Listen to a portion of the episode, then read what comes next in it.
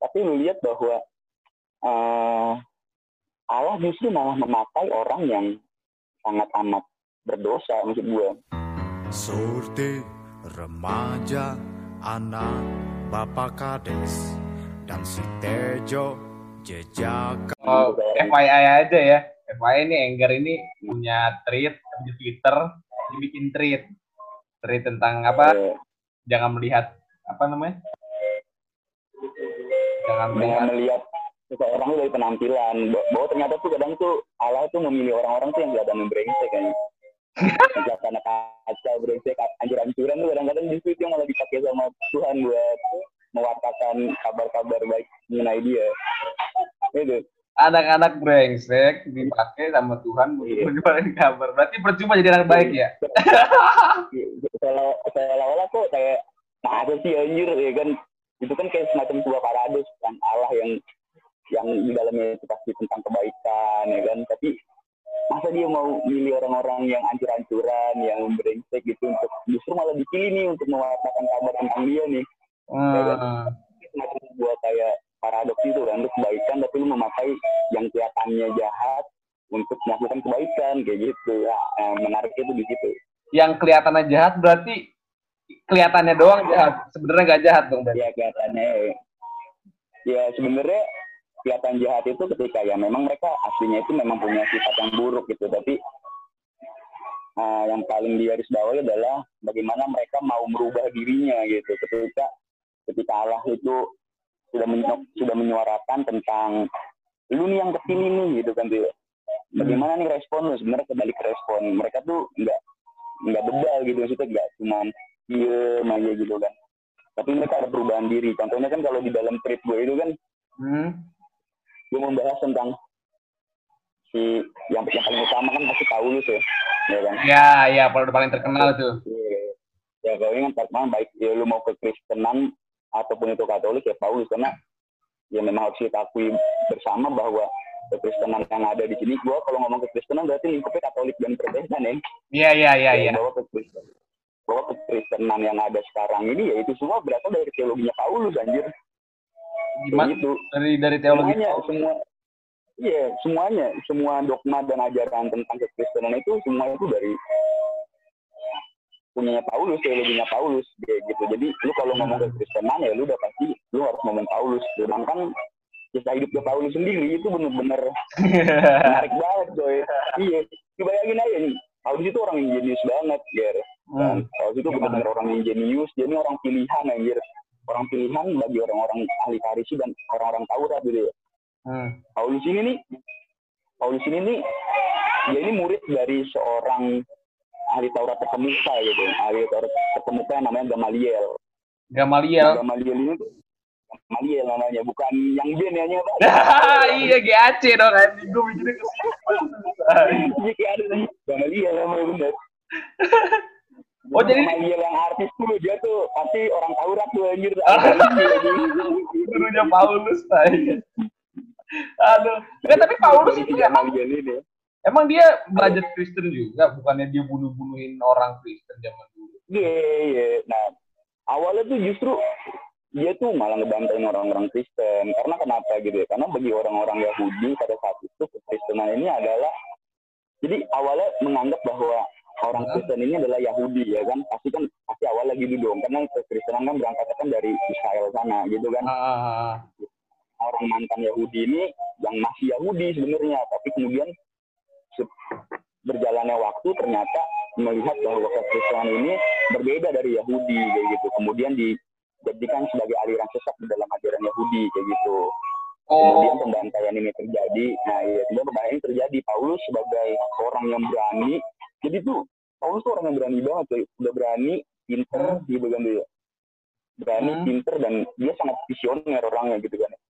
Jadi dia hmm. nggak suka gitu kan dan ini aku kekristenan ini adalah suatu kesesatan ajaran mengenai Yesus ini maka dia langsung aksi gitu ngebantai bantain itu dicari-cariin dicari-cariin orang-orang hmm. Kristen ada komunitas Kristen dia bunuh dia bunuh dia bunuh biar apa biar habis gitu biar kembali seperti ajaran Yahudi gitu nggak ada lagi kekristenan kayak gitu itu itu waktu dia masih muridnya Gamaliel masih murid Gamaliel dan masih orang Taurat dan ahli Farisi dia orang Farisi dan ahli Taurat deh Oh. bayangin nih kalau lu ngomong Taurat nih ini ini ini banyak juga yang salah ya uh, Hmm. tentang pengertian hukum Taurat ya di antara orang Kristen ini gue mengurusin Hmm. Taurat itu jumlahnya ada 600 sekian hukum Taurat gitu ya tapi kebanyakan orang Kristen Ya. menganggap bahwa hukum Taurat itu 10 perintah Allah kayak gitu bahwa lu hukum Taurat itu cuma 10 perintah Allah yang hormatilah orang tua bisa hari sabat jangan membunuh jangan ada tuhan Hmm. lain daripada daripada ku gitu kan dia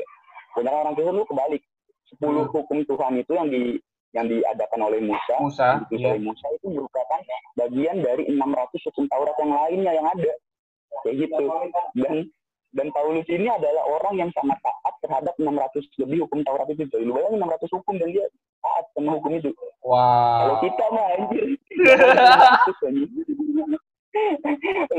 Ya, tapi gue pengen nanya. Maksud gua kalau apa namanya eh, hukum Taurat itu kan eh, orang berpikirnya adalah 10 perintah Allah ya kan.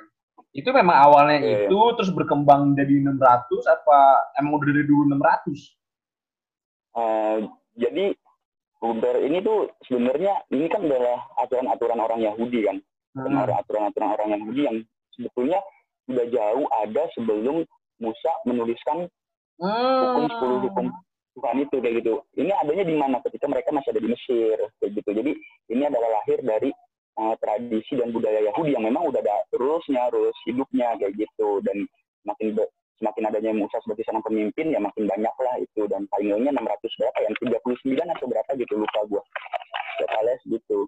600 dan Gitu, si jadi Paulus adalah orang yang mentaati ke 639 hukum Taurat. 600 ya coy. Dan apa cuma Taurat itu anjir. Apa Berarti cuma aturan-aturan yang lu bayangin. Dia itu Taurat radikal ya. Iya, ngakar nah, banget terus lu bayangin. Nah, iya, jadi tuh kalau misalnya orang radikal tuh, ya tahu di situ orang yang radikal, radikal yang bener-bener dengan kekerasan ya dia tuh, kayak gitu. Hmm, hmm, hmm, hmm. Tapi bayangin bagaimana dia proses berbaliknya, itu yang paling menarik. Ini orang yang sangat amat paham ya, hukum Taurat nih, sangat amat paham ya. Hmm. Ini bukannya paham lagi nih, sangat amat paham, karena dia orang yang jenius, orang yang pinter, dan orang yang hafal semuanya. Hmm. Kemudian ketika dia perjalanan menuju Tarsus mau mau ke pembantaian gitu ya menuju ke Tarsus mau ke pembantaian kan di situ kan eh, di dalam kisahnya Paulus di situ kan dia kan bertemu dengan Yesus sendiri kayak gitu kan. Kemudian matanya buta kayak gitu kan. Kemudian di situ Paulus bertanya siapakah engkau? kayak gitu kan. Terus Yesus Hmm. itu bilang eh, kenapa engkau membunuh aku? kayak gitu kan. Iya. kenapa kamu mengejar-ngejar aku? gitu kan. Kemudian sih titik baliknya. Nah yang tidak diceritain secara lengkap adalah apa sebenarnya yang membuat titik baliknya si Paulus? Kok tiba-tiba dia percaya aja kayak gitu kan. Dia tiba-tiba kan kayaknya gampang banget gitu ya orang yang amat sangat radikal tiba-tiba bisa berbalik gitu kan menjadi pengikutnya Yesus Hmm. kayak gitu kan dan dan dan, dan, dan itu yang nggak bisa dijelasin dan nggak ada di Alkitab kenapa dia bisa berbalik gitu tapi Oh, itu- berbaliknya itu yang sangat Nggak ada di Alkitab itu. ada Tis. Ah, secara secara jelasnya kena apa sih yang membuat dia berbalik itu yang nggak ada kecuali karena perjumpaannya dia dengan Tuhan itu sendiri kayak gitu. Terus eh, Yang gimana? menariknya lu bayangin ya. Ah. Nah, yang yang menariknya lu bayangin bagaimana si Paulus ini yang tadinya ini seorang pembunuh gitu kan dia membunuh orang Kristen maksudnya ya. Hmm. Terus spesifik dia maksudnya membunuh karena ya ada misinya kayak gitu ada misinya bahwa ya misinya ya, ya, ya misinya sih sangat baik kalau dari pandangan orang Yahudi gitu ya dia mau Iya. menghan- mau menghabisi orang-orang yang berbeda dengan dia dan dianggap sesat kayak gitu kan dia Hmm. ya tadinya pembunuh ya lu kalau misalnya berbicara dosa ya. Sebagaimana dosanya dia anjing? Dia ngebunuh-bunuhin orang-orang anjir ya kan? Ya dia ngomong layak ya, ya, ya seenggak layak apa dia ini seorang pembunuh coy. Asli, Mak. Dan spesifik lagi yang dibunuh itu orang-orang pengikut Kristus waktu itu kan. ya, dan spesifik gitu. Hmm. yang dibunuh oleh orang-orang pengikut Yesus kayak gitu. Tapi lu lihat bahwa eh, Allah justru malah memakai orang yang sangat amat berdosa maksud gue di dalam Hmm. perjalanannya gitu ya dan Paulus juga sangat amat bertobat jadinya gitu ya bahkan Hmm.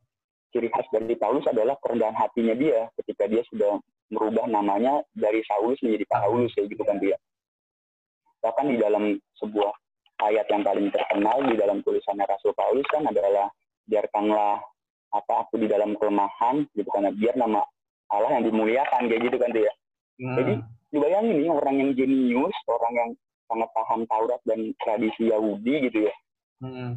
salah satu murid kesayangannya orang yang terkemuka di sana terus dia bilang kayak gini kan nggak apa-apa Hmm. gue ini lemah gue ini bukan siapa-siapa gitu ya tapi ketika lu melihat gue lemah gitu ya itu Hmm. di situ Allah itu dimuliakan dalam kelemahan gue nah itu sangat Hmm. jadi jadi dari yang tadinya arogan gitu kan ya lu Hmm. salah dan lu harus ikut gue gitu ya lu salah dan lu harus musnah kayak gitu kan ya Hmm. menjadi orang yang sangat rendah hati bahwa saya ini bukan siapa-siapa coy gitu ya justru gua gua ini nggak siapa-siapa dan Allah itu yang justru termulia bukan gua kayak gitu jadi fokusnya itu dia udah berubah lagi bukannya dirinya dia tapi Allah sendiri itu yang paling keren sih Itu kenapa tuh kan? Lu bilang tadi kan ada uh, satu titik turn back-nya itu ketika dia dibu- dibutakan oleh uh, Allah waktu itu.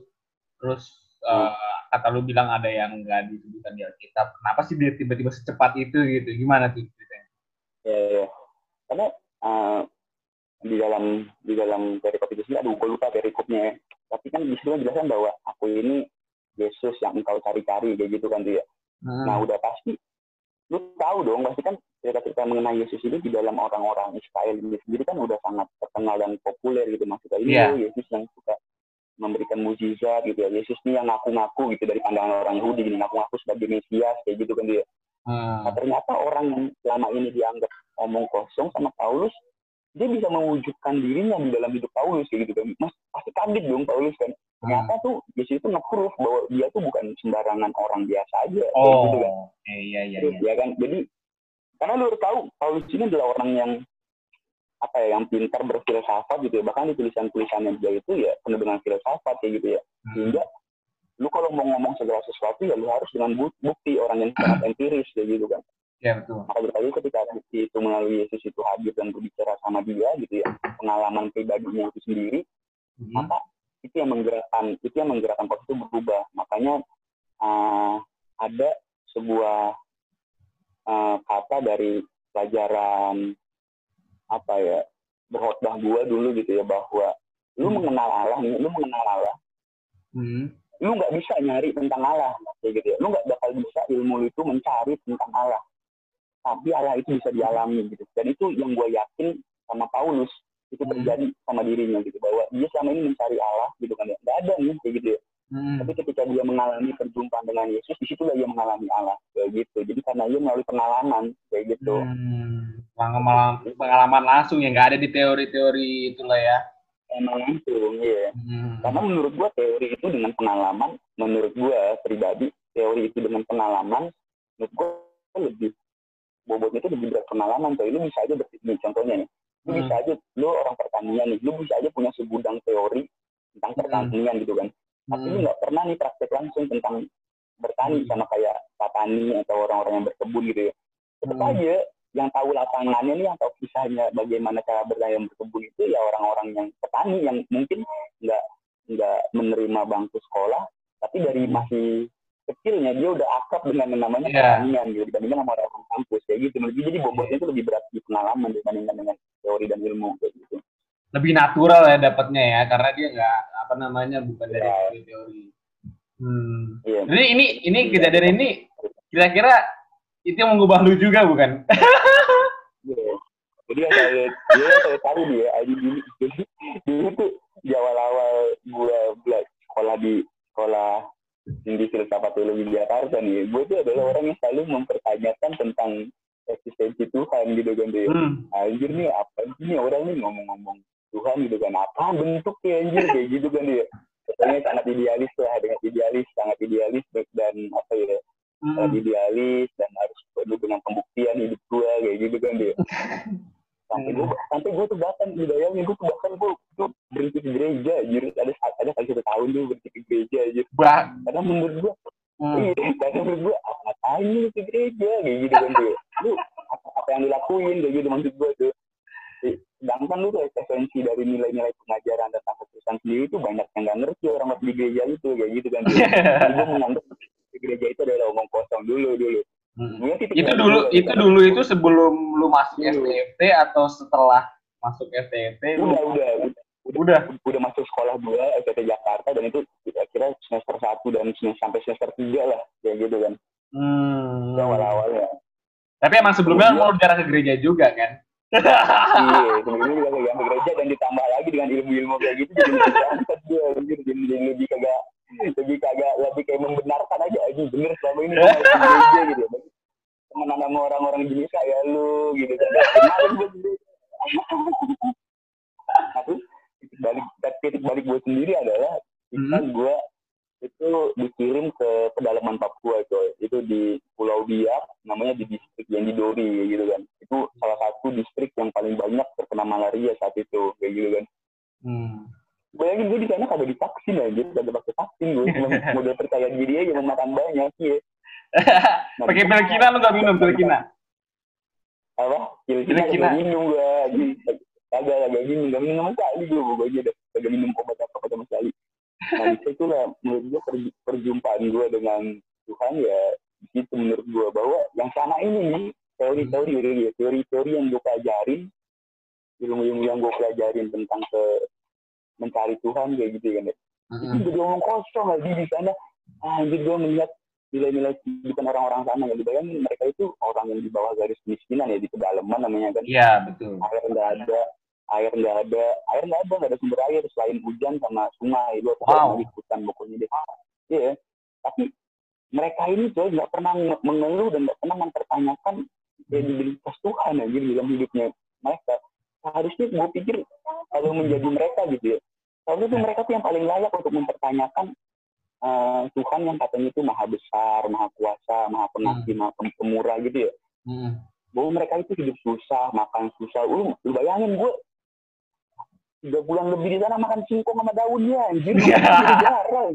Bayangin deh. Itu kalau berak jadi singkong lagi gue. Gitu. Jadi lingkup lagi anjing. Iya, tiga, tiga bulan. Dalam tiga bulan itu paling gue makan nasi itu paling ya, paling Hmm. bisa dihitung jari, bisa cuma dua kali atau tiga kali dalam tiga bulan ini sebulan sekali lah. Makan nasi tuh jauh dibayangin. Tapi kan gue pengen. Iya, tetap- Apa gimana Ya, gimana? iya.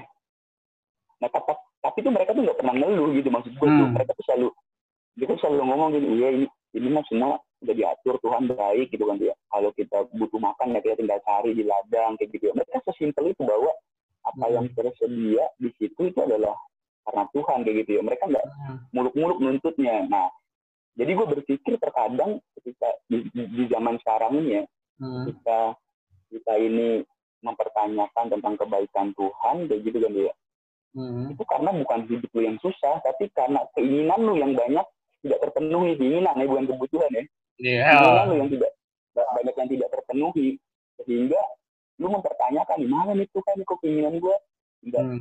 kagak bisa tercapai gitu Padahal tuh kalau lu cuma sekedar butuh ya udah terpenuhi semua maksud gue kayak gitu Hmm.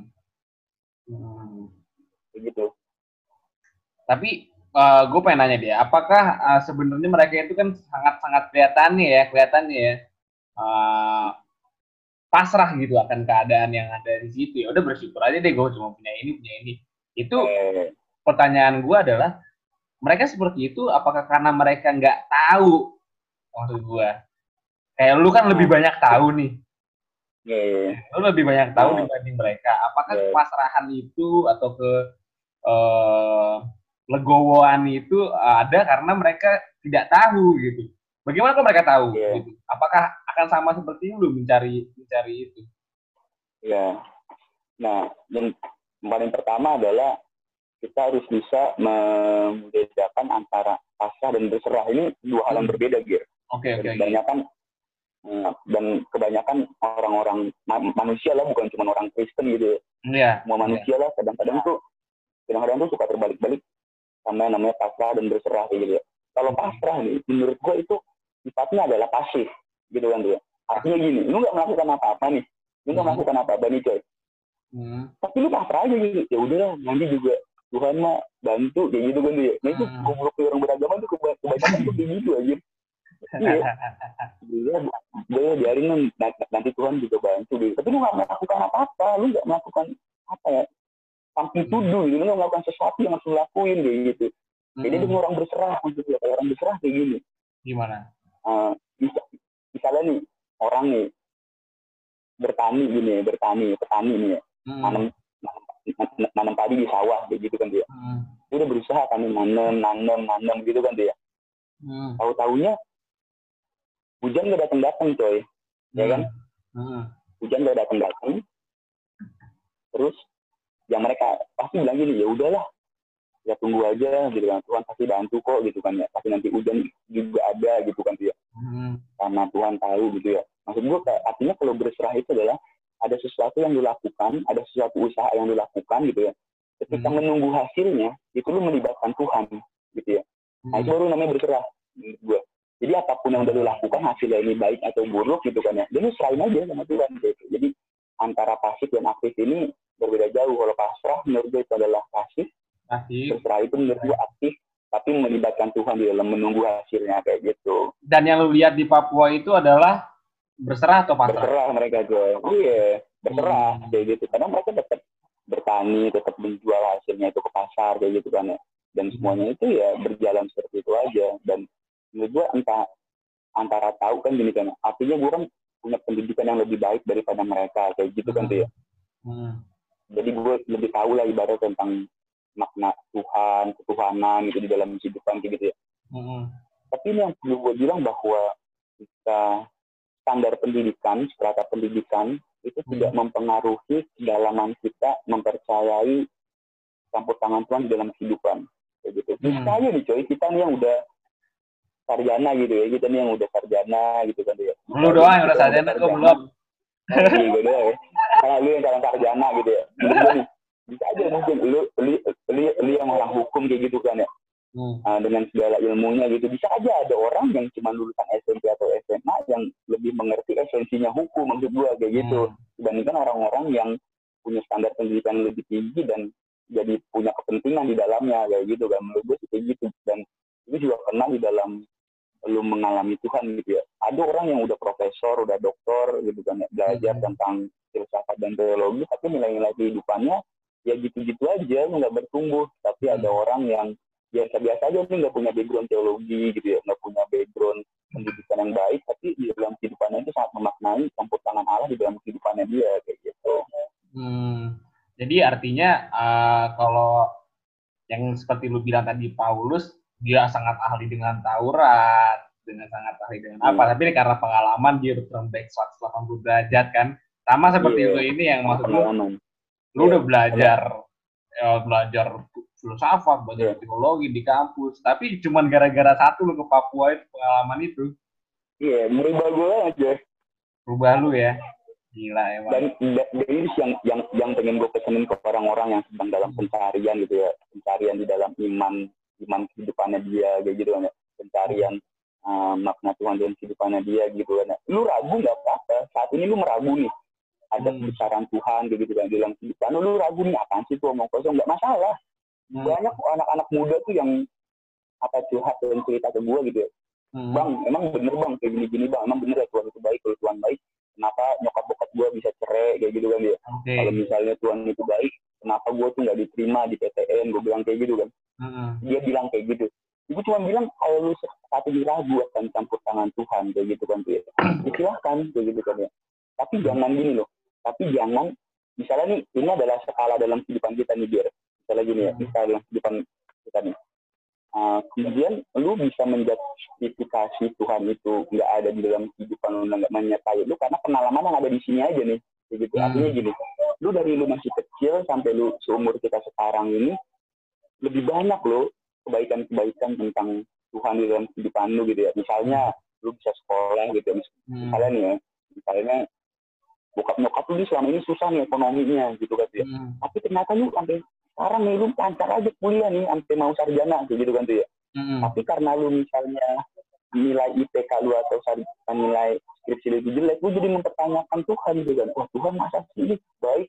Buktinya dia nggak mengabulkan apa namanya keinginan gue kayak gue udah berusaha kayak gitu. Jadi Hmm. cara yang kayak gini lu lihat secara holistik utuh gitu ya. Jangan lu lihat secara cara cuman segini aja nih yang cuman pengalaman-pengalaman yang saat-saat ini aja coba tarik mundur ke belakang kayak gitu Tapi emang gitu nggak sih, Gar, sifat manusia, sifat dasar manusia kayak emang dia tuh selalu melihat yang buruknya aja. Yang selalu diingat tuh buruknya doang. Iya.